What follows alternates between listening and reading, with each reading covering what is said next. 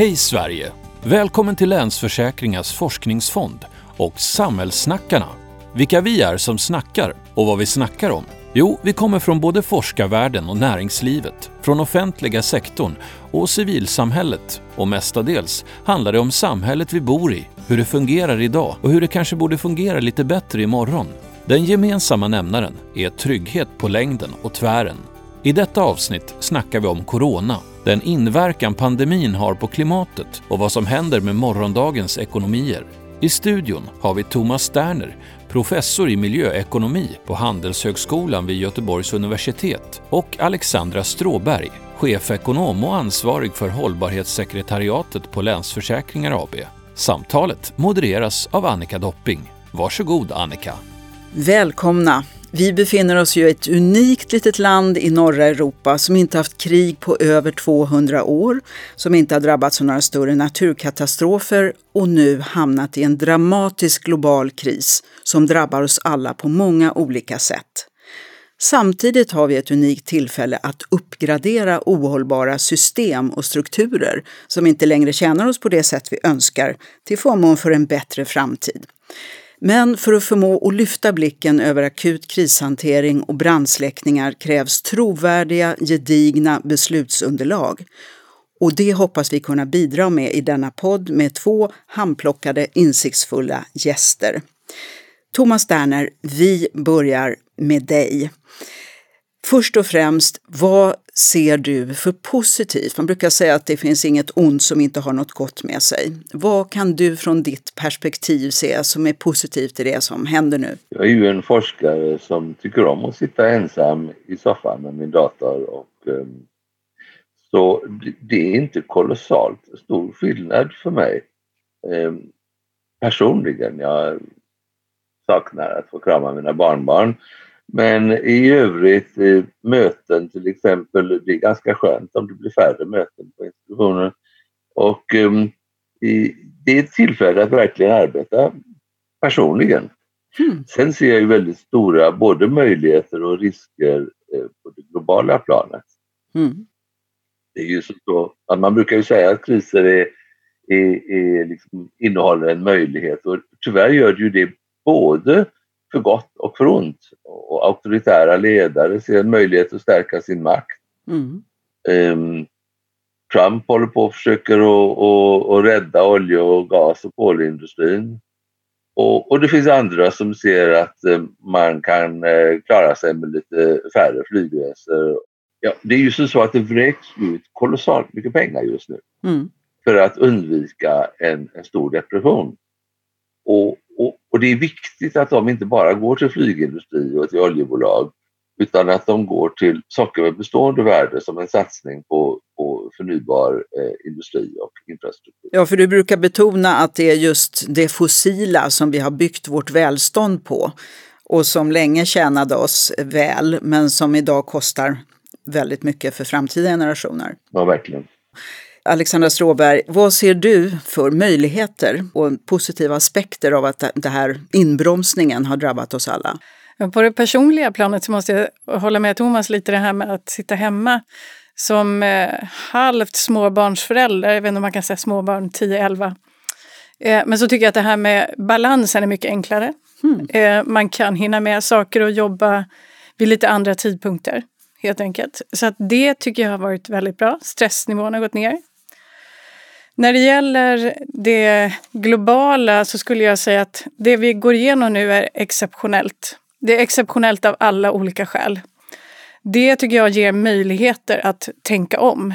Jag tror att eh, med allt eh, tufft som vi ändå går igenom så tycker jag ändå att det här tror jag kommer vara en strukturell omdaning till en ny typ av globalisering mm. över världen. Förutsatt att? Jag tror inte... Alltså dels så tror jag att globaliseringen i sig är fantastisk. Handel är egentligen inte bara en ekonomisk transferering utan det handlar ju faktiskt om att vi handlar för att behålla världsfreden. Jag tror också att vi behöver tänka om. Jag tror företag har tänkt om kring produktionsländer.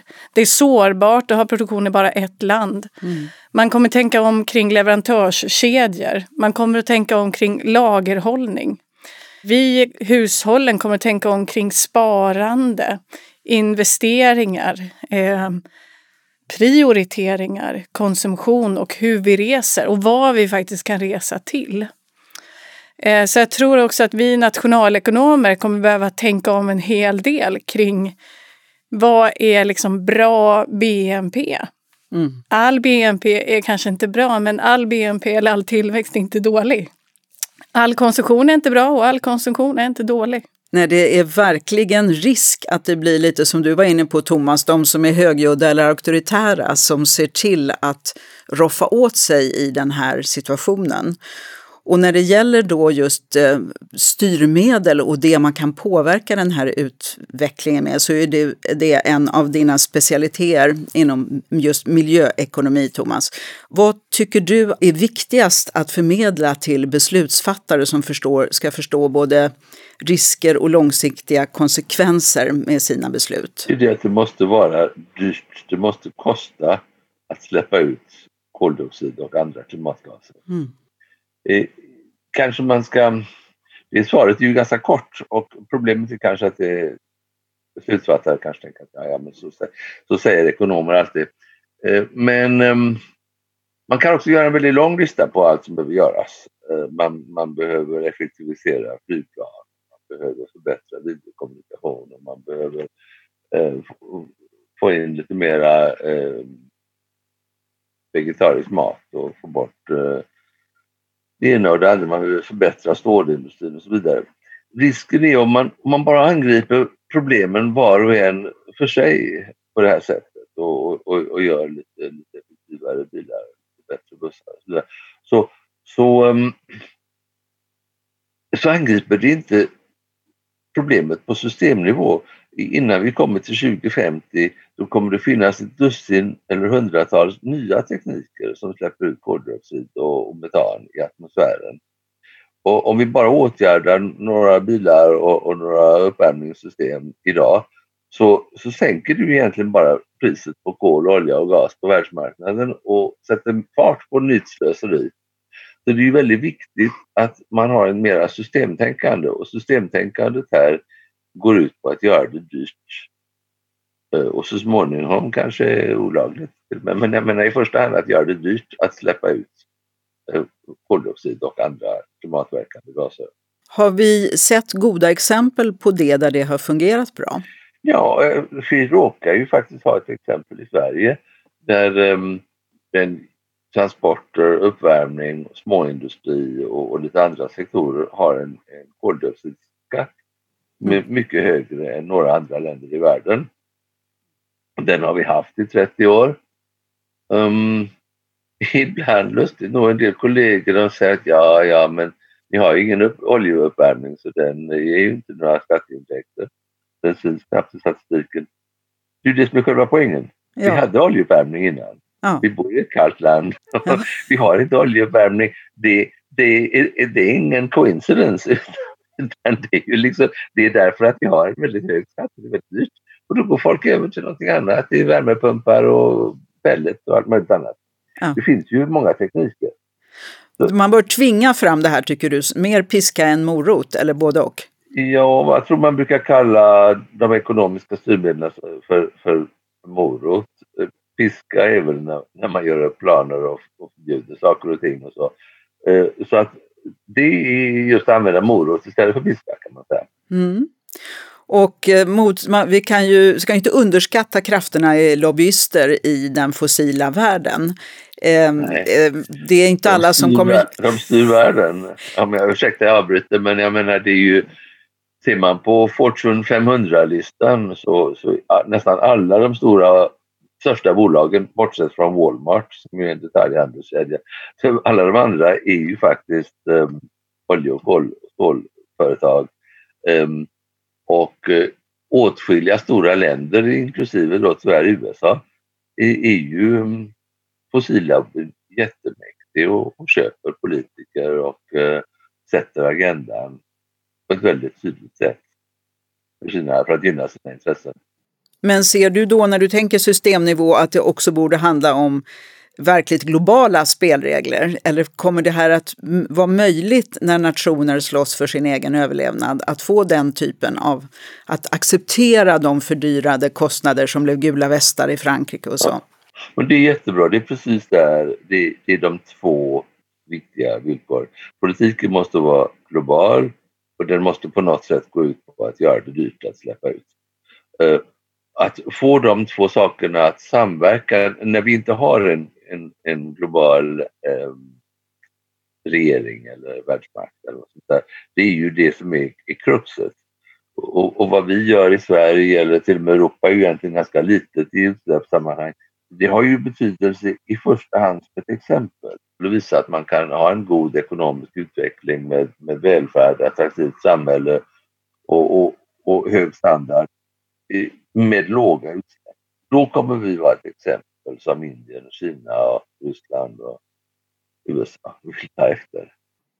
Vårt lilla land kan verkligen göra avtryck och Alexandra, du brukar prata om fyra nyckelfaktorer för de ekonomiska effekterna. Berätta! Ja, får jag först kommentera lite Gärna. på det Thomas sa? Jag tycker det är superspännande. Jag tror att ett problem som vi hade innan covid-19, det var ju att vi såg liksom en växande nationalism och eh, protektionism mm. i ett antal länder. Eh, där man liksom försöker skapa sig gemensamma yttre fiender för att skapa enighet. Ungern, Polen, USA, det finns en mängd sådana exempel. Och jag tror att just covid-19 har dessvärre Eh, antingen så har man tagit mer makt i, i den här riktningen eller så har det varit lättare att nå fram med den typen av budskap. Det vill säga hotet, viruset har kommit utifrån. Det är någon annans fel. Trump har ju använt den här retoriken mm. väldigt väl. Eh, och jag tror att med det tankesättet, liksom om vi har större eh, tendenser mot nationalism och protektionism så är det ju också ytterligare liksom ett hinder för globala överenskommelser och samarbeten. Mm. Så jag tror att det här gör det ju svårare för hela klimatpolitiken. Eh, men då tänker jag också att okay, men det, det, är kanske inte regeringarna som behöver komma överens om detta utan att kanske den här eh, strömningarna eller trycket ligger snarare på företagssektorn. Mm. Alltså på företagsnivå. Snarare att det är där vi kommer se den stora förändringen, för där har man inte samma gränstänkande. Ser du där positiva exempel i den riktningen? Ja, det tycker jag. Det. Men till exempel när Trump eh, lämnade Parisavtalet. Eh, då såg man att det var ett antal företag som gick ut och sa att okej, okay, han lämnar men vi lämnar inte. Mm. Utan vi fortsätter jobba med det här. Sen vet jag inte, sen beror ju det på hur stort det blir. Och jag håller med om Thomas, jag menar egentligen så är det här superkomplexa problemet jätteenkelt. Det kan inte vara gratis att släppa ut. Tyvärr har ju det här med handelsrätter blivit en, bara en, en ny handelsvara dessutom. Det har inte riktigt fått den önskade effekten. Nej. Ja, alltså, um, att det är en handelsvara behöver i det här sammanhanget kanske inte vara problemet. Um, utan uh, det är det att politiken har inte varit riktigt ambitiös nog så att det finns för många utsläppsrätter och följaktligen är priset för lågt. Och det, det åtgärdades ju faktiskt delvis eh, och mycket tack vare svenska initiativ. Det gjorde man ju om handelssystemet för något år sedan och då steg priset från typ nästan noll till bortåt 25 dollar. Um, men eh, även det tycker ju många av oss är för lågt. Så det, men, ja, så det är det som är problemet. Men håller du med Alexandra om att företagen kan mycket väl bli de som i intresse av globalisering på ett annat sätt än nationalstater vill driva sånt som är gynnsamt för framtiden och hållbart? Ja, och det, det kan lätt bli så. Och särskilt tror jag man ser det i svenska företag. Um, eller man kanske ska försöka uttrycka sig mer generellt, inte för att de är svenska kanske, utan kanske för att de har levt i en debattmiljö i, i 30 år där vi har en hög koldioxidskatt, där vi har en klar vetenskapligt baserad eh, debatt och där, där de flesta personal som kunder och aktieägare och deras barn och, och så vidare, alla förstår att det finns ett klimatproblem och att världen måste ta itu med det. Så, um, så har man anpassat sig och, och, och, och nu är det ju en väldig skillnad om man ser på vad stålindustrin, cementindustrin, hur de agerar och tänker i Sverige och i viss mån i Europa eh, å ena sidan och i till exempel USA å andra sidan. Mm. Vi är ju ett extremt land på många sätt i att vi har kunnat eh, anpassa oss, är ganska följsamma i alla fall. Ehm, men kan då, om vi som du säger kan generera välstånd utan att förgifta eh, vår framtid så kan det bli mycket, mycket större effekter nu när man letar efter positiva vägar. Ehm, om vi kommer tillbaka till de fyra nyckelfaktorerna då, Alexandra. Vilka är det som du brukar tala om? Ja, alltså det, det var ju termer av covid-19. Därför det, det är ju så här med, med jag tycker det är, det är det bästa med nationalekonomin, det är ju liksom att när man tittar på saker, man är som en samhällsekonomisk detektiv och inser liksom att allt hänger ihop. Mm. Men när vi pratar om covid-19, effekten på den makroekonomiska utvecklingen, så tycker att man liksom hela tiden hamnar i fyra faktorer.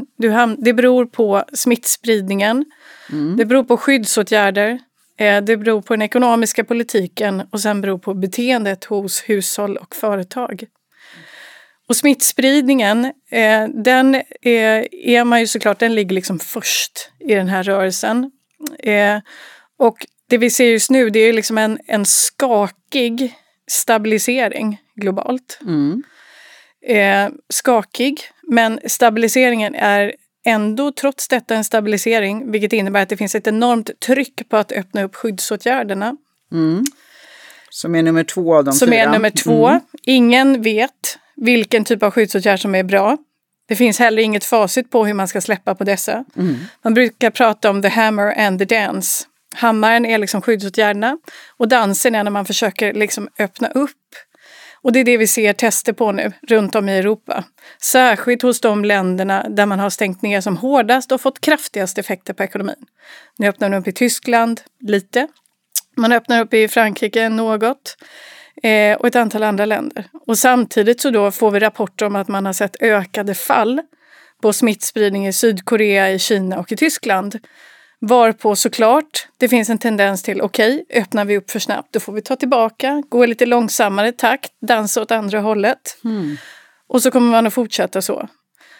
Den ekonomiska politiken det är ju då dels rena rama krisåtgärder. Får de här effekt? Och sen lite det som Thomas pratade om, det man kommer in i nästa steg. Det vill säga stimulansåtgärder. Och här tycker jag, här tycker jag att det finns en exceptionell möjlighet att tänka om och tänka nytt. Det normala är såklart, okej, okay, vi satsar jättemycket pengar på infrastruktur. Det som vore då en god idé och som man faktiskt har fört fram, åtminstone Magdalena Andersson, att nu ska vi titta på men vad kan vi göra för investeringar i grön omställning? Det är det som är intressant, det är den här möjligheten som nu sker. Och sen den klurigaste av dem alla, beteende hos hushåll och företag. Hur tusan kommer företag och människor att bete sig? När vi öppnar upp i restauranger, man gjorde det i Wuhan till exempel, och sa att nu får ni gå ut och äta. Gjorde man det? Nej. Mm. Man satt hemma. Så att hur kommer vi att ändra vårt agerande? Det är ju, där har vi forskning som kan bedrivas från soffan, Thomas. ja. ja. Alltså det är så mycket som kommer på spel i mikro och makroperspektiv. Mm. Hur mycket ser vi om varandra? Hur mycket kan vi lyfta blicken? Eh, vi borde alla veta om det går, leder åt rätt riktning eller inte. Men det är ju många som säger att det är risk för rekyl till och med. Att det fossila kommer att explodera efteråt när man vill komma ikapp. Ja, Thomas? Jo, um, oljepriset har ju rasat till um, i, i något lustigt fall även under noll. Uh, men har ju rasat till väldigt låga nivåer. Och, och, det är naturligtvis den starkaste incitament som finns för att, uh, för att börja använda fossila bränslen. Det är klart att man står och investerar, funderar på en ny investering i solceller eller i en cementugn eller någonting annat så påverkas man mycket. Tänker man, jaha nu är oljepriserna låga igen och andra fossila priser. Det är klart att det sätter väldigt fart på användning. Den risken finns. Vi måste också tänka mycket på um, fattiga länder. Mm. De har faktiskt inte alls råd. När, när rika länder nu uh, satsar uh, över 10 procent uh, av BNP på bara några månader i stimulansåtgärder så har Indien satsat ungefär 1 procent. Mm. Och det finns ju länder som är fattigare än Indien också i Afrika som inte har råd med några stimulansåtgärder alls. Det kommer att få omfattande ekonomiska och politiska effekter som är svåra att förutse. Min, en av mina indiska vänner sa just att ironiskt nog så, så kan detta vara väldigt bra eh, i Indien därför att man kommer inte ha råd med subventioner. Mm -hmm. Utan man kommer då tvingas välja det som är billigast och det är faktiskt förnybar energi som är billigast. Det har blivit det nu ja. ja så praktiskt. Ja. ja. så att det, det är fossilindustrin är beroende av subventioner som de snackar till sig. Och eh, vad som har hänt i Spyg här nu i, i, i, i, um, det som jag har kämpat för egentligen hela mitt liv. Jag brukar ju lite enfaldigt ägna mig åt att försöka prata upp bensinskatter och dieselskatter och tro att det är det viktigaste som finns. Um, Indien har just höjt sina, sina diesel och bensinskatter ganska drastiskt de månaderna. Det beror på två saker. De behöver pengar. Mm. Därför att har inte råd med stimulansåtgärderna som, som krävs. Eh, lite, jag menar i deras fall är det fråga om lite akut hjälp mot svält här och var. Eh, och sen så um, i, i, nu när oljepriserna är så låga så kan man höja skatten utan att uh, taxichaufförer och lastbilschaufförer märker det alltför mycket. Priset hålls ju rätt mycket konstant till kund. Ehm, ja, för det är då ett sätt det här med att, att höja eh, priserna på det fossila som naturligtvis slår väldigt hårt mot dem som inte bor i storstäder och så. Det, det, får man förstå då. Om man då tänker det som du säger Alexandra, att man ska göra gröna investeringar väldigt medvetet och systematiskt. Har du någon, någon konkret bild av det från ditt, ditt perspektiv? Nej, men det, det jag kan eh, och det är också där jag håller med Thomas, att jag, jag tycker att, eller jag hoppas att vi kommer bort från det här duttandet. Mm. Liksom små saker som egentligen inte har någon effekt utan fokuserar där det faktiskt får effekt. Det blir ju en partipolitisk fråga, det vill säga en fråga i vissa gånger om ren populism, vad man satsar på. Och det kan jag tycka är lite lågt i det här läget. Som att istället göra det som verkligen får, får liksom verkan Sen så är det ju problemet då liksom vad vi gör i Sverige, eh, vad vi gör i resten av världen, därför vi har luften gemensamt. Mm.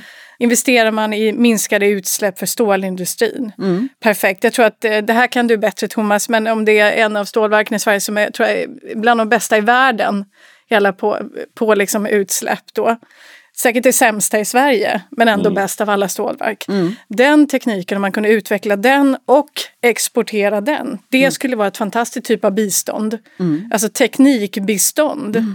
eh, inom miljöteknik. Mm. Det skulle jag vilja se mer av.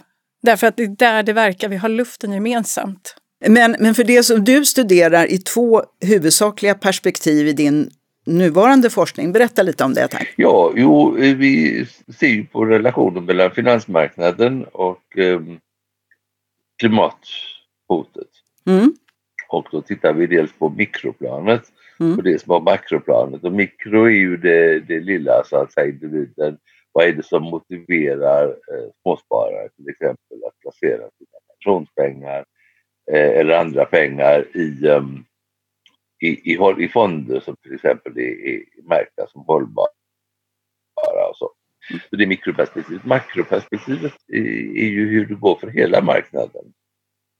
Och det kan man ju studera genom att titta på börsindex till exempel eller, eller index för en viss bransch. Och, och det, det, det, har vi gjort. Vi, vi håller på att titta på hur, hur går det för fossila aktier, aktier i, i kol, kol, olje och, och gasbolag till exempel när det kommer positiva eller negativa nyheter för, för klimatsynpunkt. Det kan vara en klimatmarsch som, som det var här om året. Påverkade det drastiskt? Ja, det får effekt faktiskt. Och Parisavtalet undertecknade till exempel. Och, och eh, sen kan det ju vara till exempel som valet av, um, av uh, herr Trump eh, som um, uppenbarligen var väldigt bra för kolindustrin och dåligt för klimatet. Mm. Det fick också det fick motsatt effekt då. då, då uh, höjdes på kol, olja och gasaktier medan värdet på förnybara industriers aktier föll.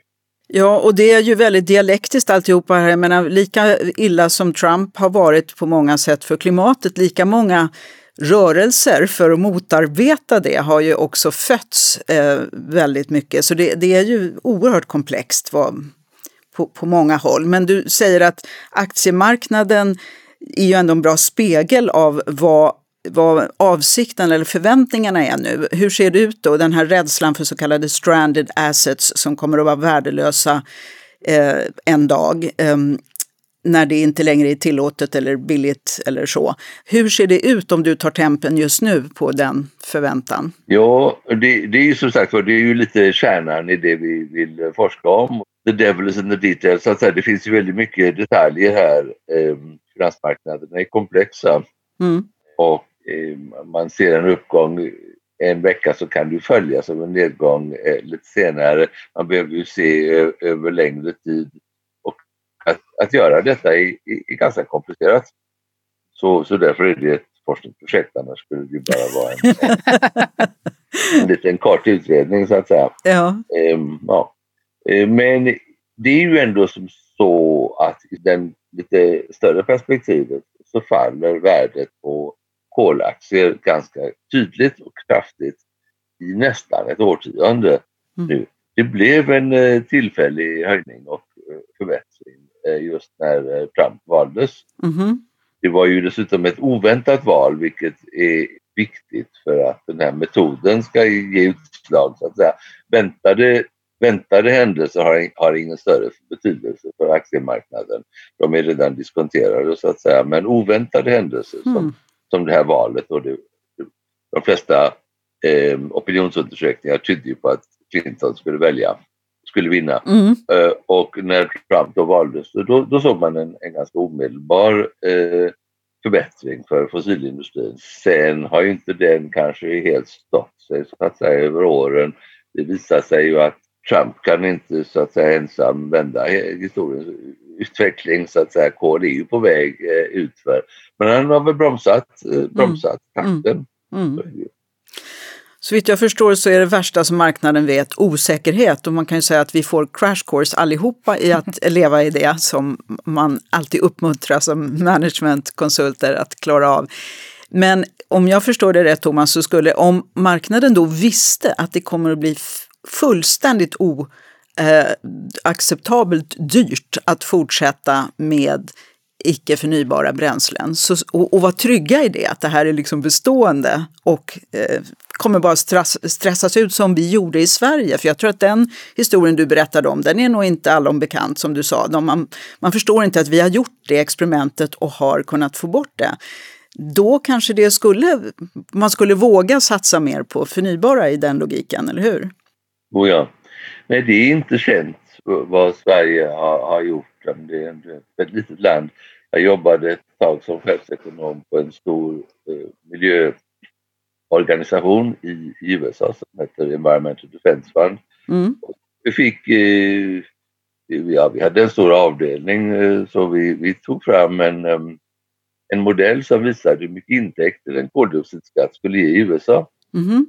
Och jag fick eh, tillfälle att gå och presentera denna sju, åtta gånger för olika um, senatorer och kongressledamöter. Mm. Eh, oftast för deras stab så att säga. Man, det är sällan man får tag på en senator så att säga. Men, men man kanske, de har ju stab för, eh, staber på 70-80 personer så får man tag på, på, på, på några tunga personer i, i staben så får man vara nöjd. Mm. Och um, då händer ju oftast samma sak att de um, de tyckte det var imponerande, var mycket intäkter det skulle bli. Uh, och det, eftersom de, de får ju ofta stänga regeringen för att de, för att de inte har pengar. Och så. Det är mm. en återkommande problem i USA. Så det, det var de ju förtjusta i och sen så ja, är det bra för klimatet. Så nickar de väldigt artigt. Det är ju det är bra. Men, sen så sa de att ja, nu hade vi räknat med 10 dollar per, 5 eh, eller 10 dollar per ton. Så sa de att ja, men så det är ju bara det att ingen politiker som röstar för något sånt skulle ju någonsin överleva och allmänheten skulle ju aldrig acceptera detta och sådär. Och då, då, det var ju rätt roligt som svensk och då, då nickade jag så väldigt artigt och sa att ja, jag förstår eller, eller egentligen förstår jag inte för att eh, jag kommer från ett land där vi har en skatt på 170 dollar per ton för tillfället och eh, de flesta svenskar märker inte detta. Det, det, livet går vidare. Liksom. Ah. Det, jag har frågat men publiken i Sverige, mina studenter och andra, om de liksom vaknar med, med ångest för koldioxidskatten. de flesta säger det att de har andra saker. De funderar på vad är min pojkvän eller vad jag på espresso eller, eller någonting annat. Det, det är liksom, livet går vidare. Vi eldar inte med olja, vi anpassar oss. Mm. Industrin letar effektivitet och så men i övrigt går ju livet helt enkelt vidare. Det är inte så att vi lever något, um, något obekvämt liv eller att vi har massprotester mot uh, detta. Man kan få det, alltså Frankrike fick ju det, mm. men eh, mm. fick ju faktiskt massprotester mm. mot mm. Men det, det, måste man ju förstå, de har ju redan en, i Europa har vi ju tre gånger högre bensinskatt, eh, bensinpris än, än i USA. Det är redan accepterat det var en höjning som kom plötsligt oförklarat av en lite arrogant president som samtidigt sänkte förmögenhetsskatten. Det, det var, tror jag, ett, ett oskickligt hanterande. Mm. Um, så det, det, är klart att det kan komma, men det är också så att man kan uh, höja de här skatterna om man gör det skickligt och på, det, på rätt sätt. Mm. och förklarar det, varför detta är viktigt för klimatet och, och hur man använder pengarna och mm. snor dem eller någonting annat. Eller använder dem för att sänka för den delen. Eller, så, så, så kan man få acceptans för det tror jag pedagogik och kommunikation. Jag tänker på ett, eh, två, två associationer. Det ena är just det, det som handlar om infrastruktur och det visionära till exempel att det var jätteviktigt att bygga ut infrastruktur, inte bara för biogas utan även vätgas som vi har varit väldigt motvilliga mot i Sverige. Där säger du Alexandra att, att minska sårbarheten har också blivit en tydlig konsekvens av eh, covid-19s effekter, att vi inser värdet av lokala lösningar. Vad tänker du runt den möjligheten att driva utvecklingen, att vi vill bli min, mer resilienta som land? Nej, men den, den tror jag också började innan covid-19 och där hänger på något sätt, tycker jag, klimatrörelsen också med. Alltså från det här total globala till mm. det liksom lokala på något sätt. Mm. Eh, och det tror jag, menar, och det kan vi testa nu. Köp lokalt, stöd din, liksom stöd eh, lokalsamhället, handla hos den lokala restaurangen, allt det här. När det gäller energitillförsel så kan vi se också att det används ju som ett stort maktmedel eh, och fossila bränslen, den här geopolitiska balansen, mm. kommer ju också ruckas tror jag när vi har en förnyelsebar, kanske du har solceller på taket och klarar det absolut utmärkt mm. själv.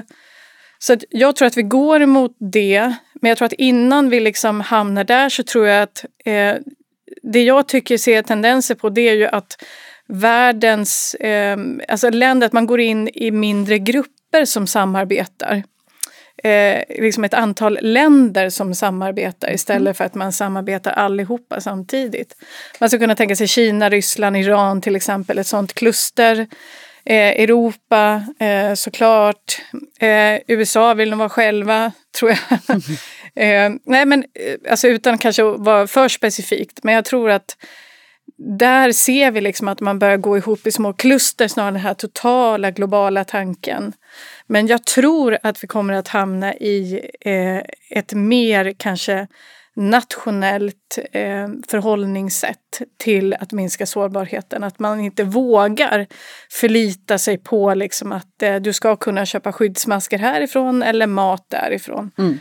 Eh, så det tror jag. Det, väl, det, visa, det var väl egentligen bara Finland som hade ett beredskapslager kvar av gammal tradition mm. liksom, som visade sig vara väldigt klokt. Mm.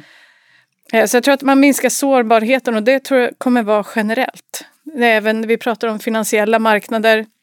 Jag tror att väl, kanske många sparare har blivit liksom skadade av den här eh, aktie ja, nedgången. Mm. Därför man kanske hade en lite naiv föreställning om att aktien alltid, eller liksom börsen alltid går uppåt. Mm. Det tror jag inte man gör om, om man har varit med om det en gång.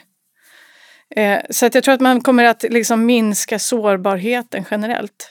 Men det, det som Thomas är inne på, det som jag tycker är, är det svåra i det här när vi, när vi pratar om eh, koldioxidskatt etc. Eh, då är det ju så också att de här ledarna måste vilja det. Mm. Helt enkelt. Mm.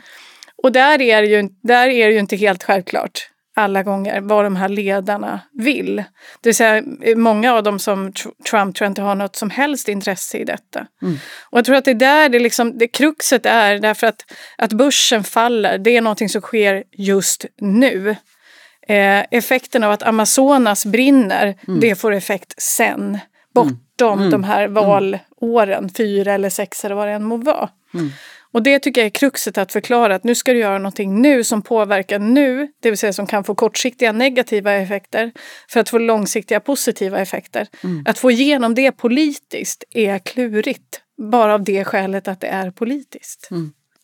Jag vet de som säger att förr fick vi sån hjälp när vi hade våra små täppor att vi fick, hade väldigt närliggande feedbackloopar om vi avverkade för mycket ved eller tömde ut fisken eller vattnet tog slut. Alltså vi kunde direkt bedöma och modifiera vår konsumtion och nu är det så inte bara i tid utan också geografiskt avstånd väldigt långt borta var vi smutsar ner eller exploaterar och förverkar.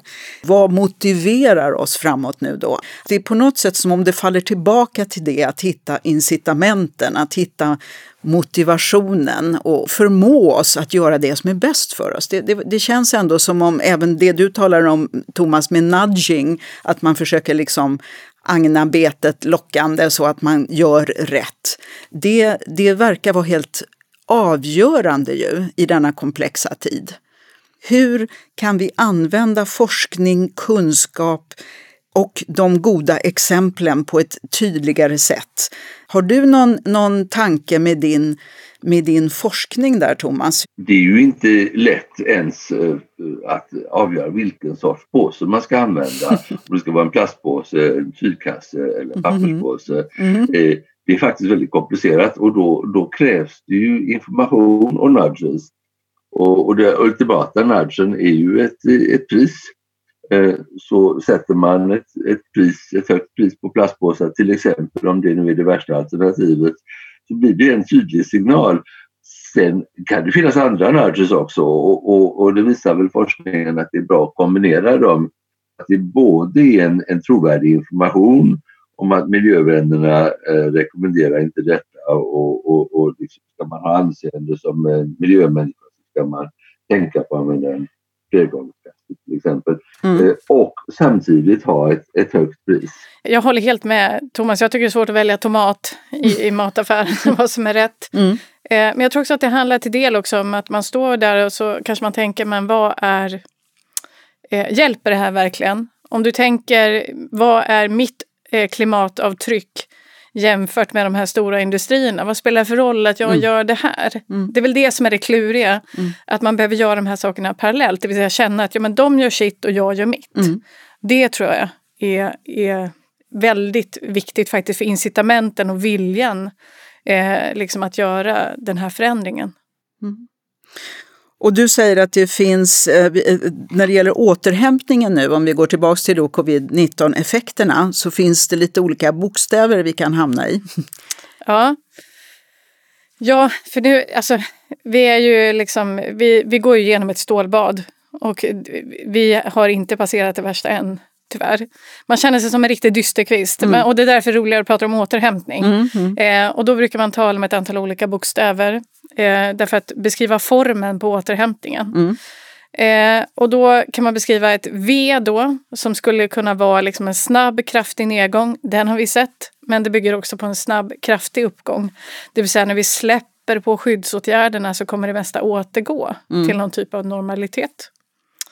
Det andra scenariot är väl ett U-scenario, det vill säga snabb nedgång. Sen så är det liksom en period av lite osäkerhet innan det kommer upp igen. det mest pessimistiska det är ju det här L då, snabbt ner och så är det tjopp. Så ligger det kvar där, där nere. Ja. ja. Eh, och sen så tror jag faktiskt att det var LO-ekonomerna, jag ska inte ta cred för detta, men jag tror faktiskt att det var LO-ekonomerna som sa att eh, återhämtning kanske ser ut mer som eh, Nikes eh, ikoniska symbol, den här swooshen. Aha. Det vill säga liksom snabb och sen en, en gradvis återhämtning helt enkelt. Ingen hockeyklubba, nej. nej. Nej, men exakt. Men, de, men det, hur den här återhämtningen ser ut, eh, det, det beror ju helt och fullt på de här fyra nyckelfaktorerna som jag nämnde tidigare.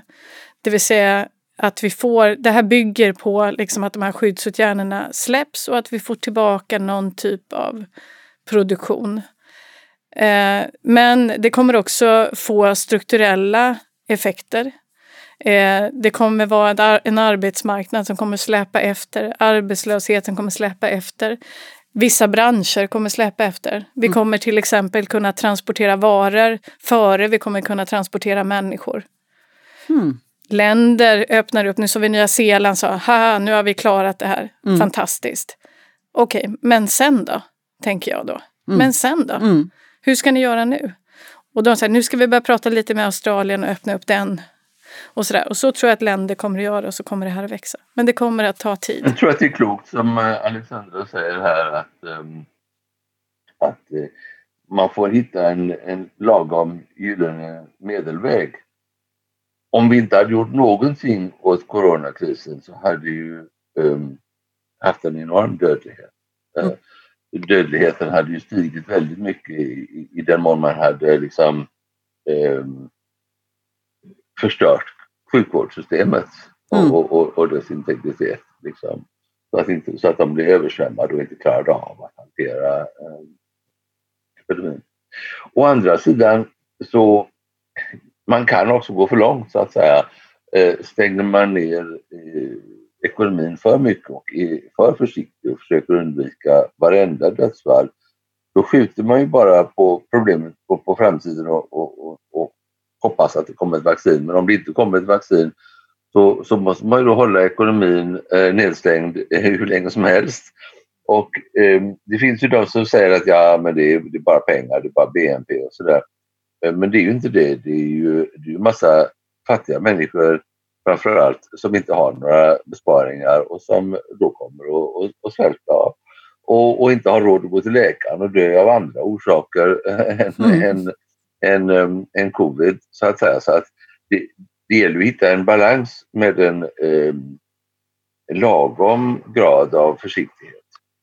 Ni i försäkringsbranschen, Alexandra, ni jobbar ju väldigt mycket med det. Hur kan vi bedöma risk? Hur kan vi förutse det? Hur kan vi minimera skador?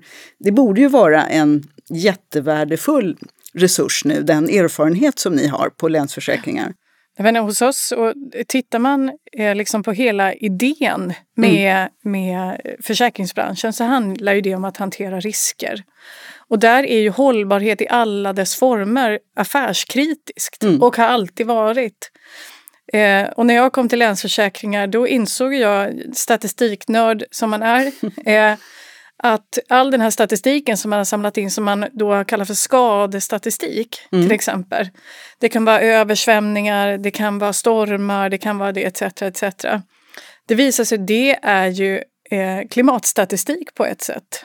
Eller miljöstatistik. Du kan följa vilka år var det mm. tufft, vilken typ av skador, var hände de här skadorna, hur kraftiga blev de här skadorna, vad kostar de etc. Så att ett sätt att hantera det här då som man jobbar inom försäkring det är ju då att försöka förhindra att saker och ting händer. Mm. Så man jobbar hela tiden med förebyggande. Och då handlar det om oavsett egentligen vilken typ av skada så är det mycket bättre för alla, inklusive miljön, om skadan inte sker. Mm. Eh, men sen så tänker jag att det som du pratar om det här med eh, att tänka mer kring eh, vilka risker som finns. Där, där tror jag faktiskt att eh, det har skett en förändring. Jag tror att människor inser sårbarheten. Mm. Eh, faktiskt. Sen är jag inte säker på att de kommer köra det konceptet. men, men jag tror att man ändå har tänkt om och det är ju i alla dess former. Privatekonomiska buffertar, försäkringsskydd, mm. eh, var man bor, hur man har liksom sitt liv uppdelat, vad som ger värde och Precis. välstånd etc. Och det är ju, bara i vårt avlånga land är det ju jättestor skillnad om man bor i Norrland eller om man bor i Ystad med helt olika förutsättningar. För att inte tala om olika länder, vad de behöver i Afrika eller vad de behöver i Indien bara det som vi nog också ändå tvingas tänka igenom nu, vad, det som du nämnde Thomas, vad är egentligen viktigt för oss? Att liksom landa i det, vad är det vi ska prioritera? Då vill jag bara till sist höra av dig Thomas, vad hoppas du få fram av din forskning nu? Mycket av vår forskning är ju långsiktig kring stora frågor. Ehm, så det är, jag är nöjd med att bara ha mer tid till min forskning. Men, ehm, men sen är det ju också som så att man vill gärna, man vill gärna vara relevant och, och, bidra till samhällsdebatten. Mm. Och det är ju många som nu eh, funderar på hur man kan koppla ihop de här frågorna, vad vi kan lära oss av, um, av coronapandemin eh, um, ehm, och, och, hur vi kan utnyttja den och hur, hur, man ska se på den här, den här sammansatta situationen där vi både har en pandemi och och eh, klimatkris. Eh, så vi försöker ju hantera, eh, hantera bägge de aspekterna, både det, så att säga, det kombinerade, lite kortsiktiga och så det långsiktiga forskningen. Det blir mycket spännande att följa ja. vad som kommer fram. Jag hoppas innerligt du hittar de här riktigt magiska nycklarna till att driva en hållbar framtid. Och du Alexandra, vad hoppas du kunna nå med din verksamhet just nu? Jag tänker... Eh, eh, jag tror att det här är ett tillfälle till eftertanke. Mm. Eh, jag tycker att det är superspännande med Thomas forskningsprojekt därför att jag tror att ett sånt här område där tyvärr liksom miljörörelsen och den finansiella ska säga, kostymsektorn inte har pratat med varandra. Mm. Tänk om de hade gjort det från början. Mm. Tänk om Finansdepartementet satt ihop med Miljödepartementet Eh, jag tror att nu börjar man ju ana att oj, det här är ju det område där vi kan göra enorm skillnad. Finansiella sektorn. Tänk dig också vad vi sitter på för resurser. Vi pratade tidigare om konsumtion och välja påsar och tomater. Mm. Tänk om alla börjar tänka, men var investerar jag mina pengar? Ställ fler frågor. Investera på ett klokt sätt.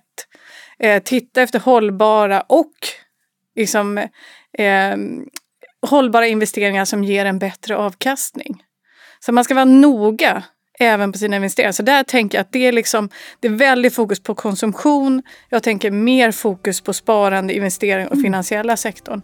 Där kommer det komma jättemycket tror jag nu, både proaktivt och reaktivt. Mycket spännande. Tusen tack för era bidrag. Tack, tack. Tack så mycket.